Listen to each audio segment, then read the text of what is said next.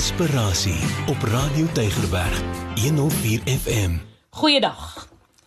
Die volk van Israel het 40 jaar lank in die woestyn rondgedwaal.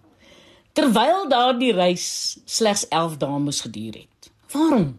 Was dit hulle vyande, hulle omstandighede, die probleme langs die pad of was dit heel iets anders wat verhoed het dat hulle hulle bestemming bereik?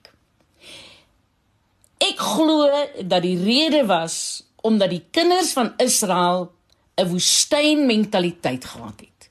Deuteronomium 1:6 sê: "Die Here ons God het by Horeb vir ons gesê: Julle het nou lank genoeg by hierdie berg gebly."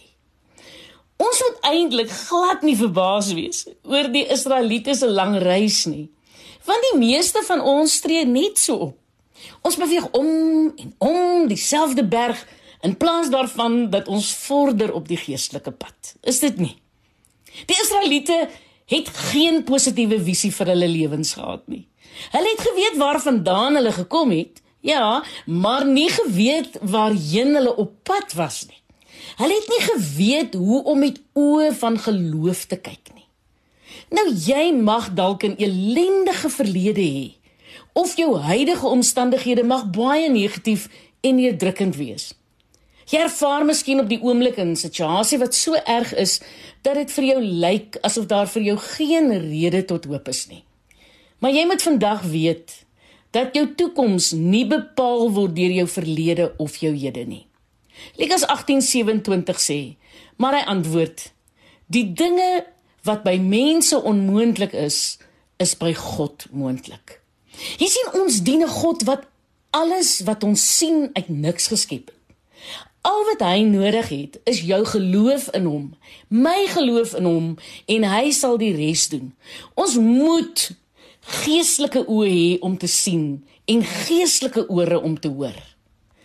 Die Israeliete het gedurig teruggekyk en gepraat oor die dinge van die verlede. Moses het oor die beloofde land gepraat.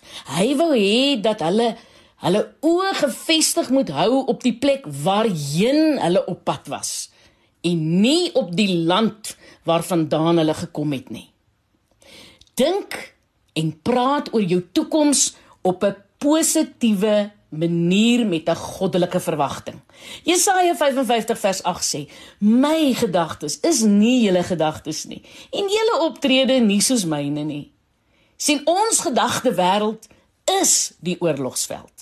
Dit is op die slagveld van jou gedagtes wat jy die oorlog teen Satan of sal wen of sal verloor. En onthou, jy verloor slegs die dag wanneer jy besluit om op te gee, maar jy neem daardie besluit. Ek is Lenet Beer vir inspirasie op Radio Tygerberg 104 FM.